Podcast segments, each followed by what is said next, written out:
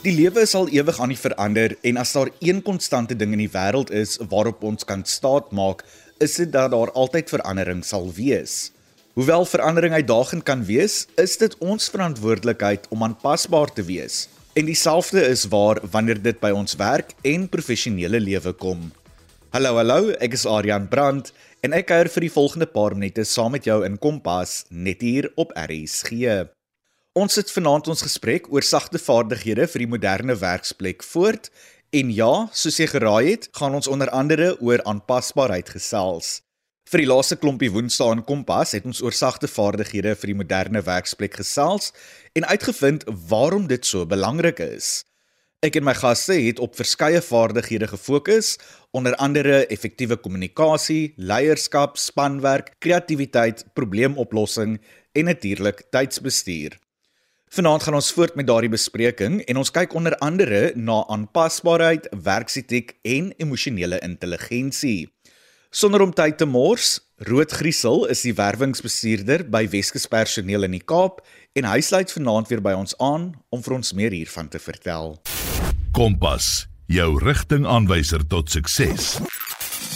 Rood, ek weet een van die grootste dinge waarvan die meeste van ons nie hou nie, is verandering en dit bring my dan nou by die volgende sagte vaardigheid, naamlik aanpasbaarheid. Ons moet aanpas by verandering. Waarom is dit so 'n belangrike vaardigheid om oor te beskik en hoe kan ons hierdie vaardigheid verbeter? Ja, wat kan 'n mens sê oor verandering? Die enigste ding wat dieselfde bly, is dat alles heeltyd verander. Verandering is deel van die lewe niks kan dieselfde bly vir te lank nie. En verandering is nodig. So verandering kan nie gekeer word nie. Niemand kan 'n statiese lewe leef nie.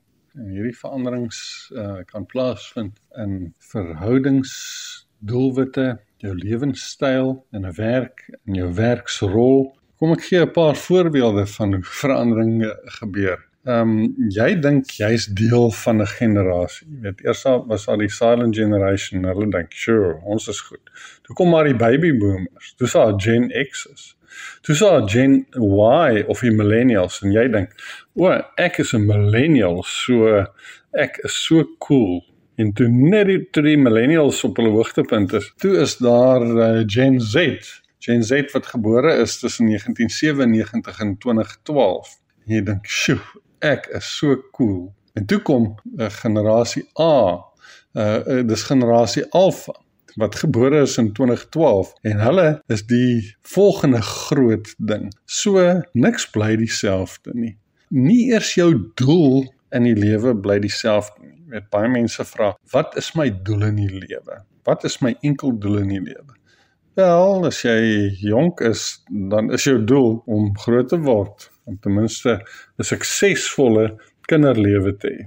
As jy klaar matriek gemaak het, dan is jou doel om jouself voor te berei vir die lewe wat kom. Dan is dit uh, dalk om jou uh, gesin te begin, 'n familie te begin. Daar verander jou doel heeltemal, want ewe skielik leef jy nie meer vir jouself nie, jy leef vir jou gesin. En wat van jou loopbaan? Nou moet jy ewe skielik 'n loopbaan bou. So jou doelwit is om 'n behoorlike loopbaan te bou dan moet jy uh, voorberei vir aftrede. As jy oud in 'n reistool sit en nie meer kan loop nie, dan is jou doel om uh, te bid vir jou kinders. So jy, jy sien nie eens jou doel in die lewe bly dieselfde nie. Nou wat um, is die implikasie van konstante verandering in die werksplek? Wel, uh, dit is nogal 'n belangrike ding want het julle geweet dat daar in enige besigheid, uh, enige goeie besigheid, 'n 10% werksomset is van personeel. Wat beteken dat as daar 10 mense in 'n besigheid is, die statistiek sê dat elke jaar iemand gaan wegkom, weggaan en iemand gaan bykom. So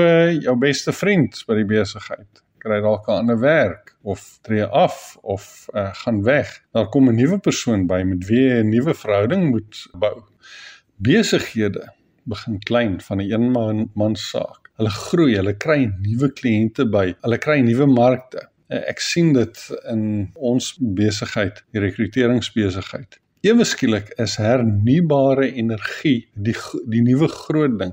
Daar is net eenvoudig nie genoeg mense in om in hernubare energie te werk nie. 'n Batterye, lithium battery vervaardiger het ons as kliënt gekry toe hulle 4 mense het. Nou is daar 50. 75% van daai mense het ons geplaas. 'n Sonkrag-elektriesien. Dit is so skaars soos hoendertande. As jy een kan kry, vat hom, want jy kry hulle net nie in die hande nie. Aan die ander kant krimp besighede. Besighede verloor besigheid, hulle verloor markte. Kyk byvoorbeeld na Eskom. Eskom wat die liefling energiemaatskappy in die wêreld was. Steenkoolkragstasies is iets van die verlede. Hulle word net in stand gehou tot daar iets alternatief is. Kyk na Denel in ons land, die lieflingkind van die wapenbedryf. Nou 'n kwynende wapenindustrie en hulle kan nie eens hulle mense behoorlik betaal partykeer nie. Wat nog met besighede gebeur is hulle markte skuif. Kyk na Garmin, die grootste GPS vervaardiger. Wat verkoop hulle nou? Horlosies en in die groter mark ek ry motorfiets. Elke ou wil daarom die beste GPS op sy motorfiets gehad het net om te sien waar hy ry en waar hy kan uitkom. Maar die debat is nou of hy nog steeds GPS moet opsit. Nou is dit ewe skielik 'n tablet met OSM of open source maps daarop. Kyk vir Philips. Philips het gegroei tot 'n wêreld wêreldmaatskappy, maar nou is dit 'n kwynende besigheid as gevolg swak bestuur. Uh, binne besighede raak mense ouer. Ons besigheid het almal 5 jaar gelede die 10 km pret hardloop gaan hardloop uh van Milnerton tot in die Kaap. Hierdie jaar wil niemand hardloop. Ewe skielik kom daar jong mense in die in die besigheid en raak deel van die besigheid. En nou is daar 'n generasie gehap en heeltyd moet jy hierdie veranderings hanteer. So wat sê ons vir mekaar? Ehm um, as jy gaan vas staan op jou werksbeskrywing Dis my werksbeskrywing. Dit staan op my kontrak. Dis waarvoor ek aangestel is. Wel, dan gaan jy nie lank hou in die besigheid nie, want die aard van die besigheid verander heeltyd. As jy heeltyd gaan sê, "Dis my kantoor, moenie aan my raak nie," dan gaan daar nie veel gebeur nie, want uh jy gaan nie jy kan aanpas in die besigheid. Uh, kom ons kyk wat het in COVID gebeur. Almal het by die werk gewerk in COVID. En toe binne 'n dag uh, werk almal ewe skielik by die huis En uh toe moet almal weer terug gaan werk toe. En uh dis heng se probleme. Niemand niemand wil werk toe gaan nie en nou moet jy terug gaan werk toe in 'n gedeelde werkspasie uh, gebruik. Ons het kliënte in Engeland wat by wat Suid-Afrikaners aanstel om vir hulle te werk. En hoekom doen hulle dit? Wel, dit is 'n besigheid wat uh jong programmeerders gebruik om 'n besigheid te werk en ewe skielik in Engeland kom daar COVID en almal werk van die huis af. Wel, hulle het langer as ons van die huis af gewerk vir 'n goeie 2 jaar. En na 2 jaar sê die werkgewer: "Kom asseblief terug werk toe, ons moet weer 'n span bou."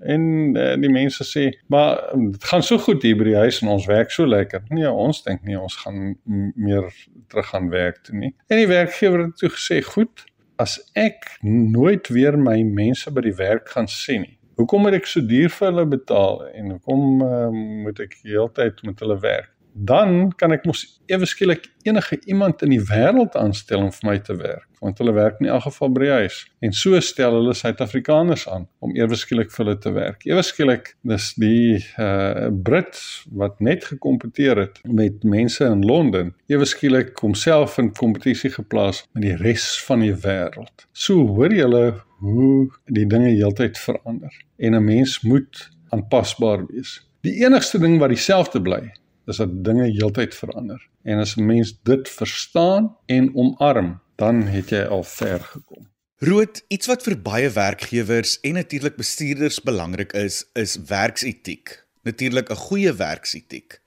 Waarom is hierdie vaardigheid so belangrik en hoe bewys 'n werknemer dat hulle oor hierdie vaardigheid beskik? Wat is werksetiek en het ek werksetiek? Wel, as 'n mens die vraag so vra, dan sou elkeen wat wou sê, "Ja, ek het werksetiek." Maar die vraag is, het jy goeie werksetiek of 'n slegte werksetiek? Mense met goeie werksetiek sien jy van 'n afstand af raak. Dit begin sommer by hoe mense die basiese goeders hanteer in die dag. Hoe laat kom ek by die werk? Hoe laat gaan ek huis toe? Uh hoe spandeer ek my tyd by die werk? Hoe wend ek dit aan? Ehm um, wat bereik ek? En uh werksetiek is 'n interessante een want jy kom nie onmiddellik agter of 'n persoon 'n goeie werksetiek het of nie. Maar wat jy wel um, kan doen, is jy lei werksetiek af van mense se uitsette. Jy kyk na 'n persoon en jy kyk wat daai persoon bereik het. En na aanleiding van wat hulle bereik het, kan jy weet of daai ou 'n goeie werksetiek het. Want ek het al mense gesien wat uh heeltyd besig lyk, maar dan op die eind van die van die maand dan hulle nêrens gekom nie. En ons besigheid werk uh rekruteerders op kommissie. En as jy so in die gang afloop, dan kan jy uh, waarskynlik maklik sê hmm, daai een lyk of hy hard werk en daai een is so stil, um, sy doen niks en uh, hierdie een is nie veel werd nie. Maar die interessante ding is om aan die einde van die maand met hulle te gaan sit en te gaan kyk wat het hulle bereik en vermag. En dan weet jy of iemand 'n goeie werksetiek het of nie. Mense met goeie werksetiek kry dinge gedoen. Hulle kry dit net op een of ander manier reg om uh sukses te behaal om 'n werk gedoen te kry, uh om goeders geskuif te kry, um, om resultate te behaal. En dan um, is 'n interessante ding is dat uh, mense met goeie werksetiek nie net doen wat van hulle verwag word nie. Hulle dink lateraal, hulle bereik goeders op ander vlakke wat op die langtermyn 'n goeie invloed het op wat hulle doen. Leef voluit en kleurryk met Kompas. Weksaande om 08:30. Dit is Rood Griesel, 'n werwingsbestuurder van die Kaap wat saamkuier in Kompas en vir ons meer vertel van sagte vaardighede vir die moderne werksplek. Ons het nou spesifiek oor aanpasbaarheid en werksetiek gesels en Rood het 'n uitstekende beskrywing van elk van hierdie onderwerpe gegee. Soos hy sê, dit is een ding om besig te lyk, maar beslis iets heeltemal anders om werklik besig te wees. Ek is weer terug agter die kompas mikrofoon en ek kuier saam met jou in jou kombuis, voorhuis of sommer in die passasierssitplek van jou motor indien jy op die pad is. Ek is Adrian Brandt en ek kuier vir die laaste paar minute saam met jou in Kompas op RSG. Sagte vaardighede is vanaand weer in die Kompas kollig en voor die breek het ons oor werksetiek en aanpasbaarheid gesels. Emosionele intelligensie is ook iets wat van kardinale belang is in die werksplek en dit is ook iets wat werkgewers baie hoog prys. Waarom is dit so en wat presies is emosionele intelligensie? Rood Griesel is 'n werwingsbestuurder van die Kaap en hy is ook my gas vir vanaand. Hy sluit nou weer by my aan en vertel vir ons meer daarvan. Kompas, jou gids tot jonk wees. Rood, deesdae is daar 'n fokus op emosionele intelligensie in die werksplek. Waarom is dit so belangrik en hoe kan werknemers aan hierdie vaardigheid werk? Emosionele intelligensie. Dit is 'n interessante onderwerp. Want almal praat oor emosionele intelligensie, maar weet ons regtig wat dit is? En as 'n uh, mens begin dink oor emosionele intelligensie, kan 'n mens uh, baie keer so 'n bietjie uh, mismoedig raak daaroor. Want baie keer dink mense dat emosionele intelligensie soos jou IQ is. Ek is so gemaak en so laat staan en nou uh, maak nie saak wat ek doen nie. Um, ek kan nie uh, emosioneel meer intelligent word nie. So los my nou maar so. Maar um, eintlik is dit nie so nie. Eintlik is emosionele intelligensie iets wat 'n mens kan ontwikkel en wat 'n mens kan verbeter. So die eerste vraag is wat is emosionele intelligensie? Wel, dis eintlik baie maklik want emosionele intelligensie gaan oor hoe goed ek my eie emosies identifiseer en bestuur en hoe ek op die emosies van ander reageer. Emosionele intelligensie is om te verstaan hoe daardie emosies jou gedagtes en optrede vorm sodat jy groter beheer oor jou eie gedrag kan hê. Om meer emosioneel bewus te word, stel ons in staat om te groei en 'n dieper begrip te kry van wie ons is en dit stel ons in staat om beter met ander te kommunikeer en sterker verhoudings te bou. Nou ja, wat kan 'n ou nou doen om uh, emosionele intelligensie te verbeter? Wel, daar is baie goeders wat 'n mens kan doen. Uh, en ek gaan sommer 18 emosionele goed uh, noem wat 'n mens kan doen om jou emosionele intelligensie te verbeter. Die eerste een is om te oefen om bewus te wees van hoe jy voel. Vir ons het uh, sulke besige lewens En goeders gaan so vinnig, dis so snel, uh, soveel so dat ons maklik uitvoering uitraak van wie ons is en uitvoering raak um, met ons emosies. Uh die belangrike ding is om te herkonnekteer met jouself. Om op 'n plek te kom waar jy net so 'n bietjie stil staan en vra wie is ek en waarheen is ek op pad en hoe voel ek nou? Dis die uh, belangrike ding. Wees bewus van hoe jy voel. Die tweede een gaan oor gee aandag oor hoe jy optree. Jy moet amper af buite jouself gaan staan met 'n kamera wat op jou fokus en vir jouself vra Goed, dit het nou gebeur, maar hoe het ek opgetree in hierdie situasie? Uh, wees selfkrities sonder om jouself heeltemal af te breek. Wees net bewus van hoe jy optree. Die derde ding wat 'n mens kan doen is bevraagteken jou eie opinies. Jy weet uh, in vandag se tyd is dit mos verskriklik maklik om met sosiale media uh, in 'n opiniegroep te verval. En hoe meer jy die opinie handhaaf, hoe meer word inligting na jou kant toe gestuur. Nou op die ou en dink jy net jou opinie is reg.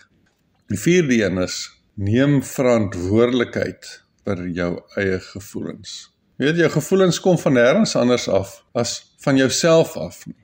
En as jy begin om verantwoordelikheid te neem vir jou eie gevoelens en hoe jy optree, sal dit 'n ongelooflike groot impak hê op jou eie lewe. Die vyfde een is maak tyd om positiewe dinge in jou lewe te vier. Ons is so bevoordeel. Daar is soveel goeders wat positief is in die lewe. En ons uh, uh aanvaar dit baie keer as vanselfsprekend. En ons dink dit is ons reg in plaas van ons voorreg om al hierdie goeders te hê. Uh eintlik is dit nie so vanselfsprekend nie. Eintlik is dit 'n gawe. Nommer 6 moenie die negatiewe ignoreer nie. Weet nie of julle al gesien het hoe dit gaan in hierdie nuwe Suid-Afrika nie, maar daar's baie mense wat wat hou daarvan om oor rooi ligte te ry. Maar ek het hulle al dopgehou. Daai ou sien die lig is rooi en dan hy hy maak of hy nie kante toe kyk nie. Hy wat sien mooi Afrikaanse woord vir flinch. Hy nou skram so al weg van enigiets wat dalk van die kant af kom en hy ry net deur daai rooi lig. Dis baie keer wat ons doen met ons negatiewe emosies. Ons wil nie daarna kyk nie, ons probeer dit so gou moontlik vergeet en dink dat dit weg sal gaan. Maar as uh, ons dit doen, dan leer ons nie uit hierdie negatiewe emosies en hoe om dit volgende keer beter te hanteer nie. Moenie die negatiewe ignoreer nie. Nou die volgende een is nommer 7. Moenie vergeet om asem te haal nie. Die lewe is nie regverdig nie en daar is baie situasies wat na mense kant toe kom wat uh, mens moet hanteer en daai situasies veroorsaak stres. Dit veroorsaak dat jy kwaad word. Dit veroorsaak dat jy teleurgesteld voel. En uh, mense reageer baie keer daarmee met jou limbies of jou oerbrein. En uh, jy weet nie altyd hoekom jy so reageer nie. Maar uh, dis juist die ding. Mens moenie vergeet om asem te haal nie. In plaas van om net deur hierdie goeie te stoom, te stoom, um, gaan sit net terug en um, gaan dink net oor wat het nou gebeur. Vat 'n breek. Uh gaan was jou gesig met koue water. Um, staan op, kry vars lug, maak 'n koppie koffie of tee. Gee jouself net 'n breek sodat jy in 'n ander omgewing bietjie kan dink oor wat nou gebeur het en herëvalueer of uh, die optrede reg was. Jy weet, gee net jouself 'n blaaskans. So moenie vergeet om om asem te haal nie. En die laaste ding van emosionele intelligensie is, dit is 'n lewenslange proses. Gelukkig kan 'n mens jou emosionele intelligensie verbeter. En jy kan daaraan werk. Jy kan doelbewus besluit om op maniere op te tree um, wat jy nie voorheen opgetree het nie. Om op beter maniere op te tree, om meer te luister, om nie te vinnig te praat nie, om vas te staan op wat jy glo sonder om met ander mense te afronteer. Ek glo dat wanneer ons oor sagte vaardighede praat, dit belangrik is dat ons ernstig en eerlik met onsself moet wees oor ons tekortkominge en suksesse. Hoe belangrik is dit dat ons verander vir terugvoer moet vra oor hierdie vaardighede en ons prestasies? Ja, Aryan, ek dink dit is nogal belangrik dat 'n mens 'n realistiese perspektief moet hê oor jou tekortkominge en jou sukses. Soos ons gesê het, vier jou sukses. Maar jy ook 'n realistiese uitkyk op hoe suksesvol en hoe goed jy regtig is. In ons bedryf gesels ons gereeld met mense en uh, mense kan oor hulle self gesels. En baie keer moet hulle hulle self verkoop. En dit is nogal interessant om te sien hoe party mense so 'n groot idee het van hulle self en hulle dink hulle is so wonderlik dat hulle dalk te veel dink van hulle self en as 'n mens regtig begin gesels oor wat hulle nou regtig bereik het, dan sien jy o, oh, okay, uh, dalk het hulle nou nie so realistiese uitkyk van hulle self nie. Uh, dalk is dit nogal goed dat 'n mens uh, bewus moet wees van jou tekortkominge. Uh, want dit is die eerste stap om jou tekortkominge te verbeter. Rood ten slotte, het jy enige laaste wenke, raad of advies wat jy dalk met die luisteraars wil los voordat ons vanaand groet? Aryan, dit is baie maklik. Die enigste ding wat jy in die lewe moet doen, is om jouself te aanvaar. Aanvaar jouself soos jy is. Ek dink dat dit baie keer die wortel is van alle kwaad, dat ons nie onsself aanvaar nie en dat ons soos ander probeer wees. Jy weet daar's altyd mense wat sterker as jy is of 'n ding beter as jy kan doen. En ek dink as 'n mens jonk is, dan dink jy, "Maar wat is fout met my? Hoekom is ek nie so goed soos daai ou nie? Hoekom kan ek nie so so maklik gesels soos daai ou nie? Hoekom is ek nie so gewild soos daai ou nie? Hoekom is ek nie so slim nie?" Ag, kyk hoe lyk ek. Ek is nou maar 'n faal ou plaasjapie en um, ek kan tog niks bereik in die lewe nie dis waar ons grootste probleme vandaan kom omdat ons onsself nie aanvaar nie. Kom op 'n punt waar jy sê dis hoe ek gemaak is en dis hoe ek laat staan is en dis hoe ek is. Ek vra nie verskoning vir myself nie. Ehm um, ek is die perfekte volmaakste vorm van myself. En as jy jouself dan aanvaar het, dan kan 'n mens begin met 'n proses uh, van self ontdekking en selfontwikkeling. Sê okay, um, ek is, maar hoe kan ek myself beter maak? Hoe kan ek myself verbeter sonder om myself heeltemal te verander? Sterkte met die lewensreis, julle almal. Presteer, leer en blink uit met Kompas. Dran Rood Griesel, 'n werwingsbestuurder by Weskus Personeel in die Kaap wat saamgekyer het in die program en oor emosionele intelligensie gesels het, en ook verduidelik het waarom dit so belangrik is om 'n volledige prentjie van jou sagte vaardighede te hê. Ek dink dit is belangrik om te besef dat niemand van ons perfek is nie en ek dink nie dat mense verwag dat ons perfek hoef te wees nie. Ons moet net daarna streef om onsself te verbeter en jou sagte vaardighede is natuurlik 'n goeie plek om mee te begin. Jy kan weer na al die gesprekke oor die bogenoemde luister deur al Julie se Woensdag Kompas programme te potgooi. Besoek die RSG webwerf rsg.co.za. En daarmee is dit tyd vir my om te groet. Martleen Oosthuizen kuier môre aand weer saam met jou en ek sien jou volgende Woensdag aand. Van my kant tot volgende week. Mooi loop.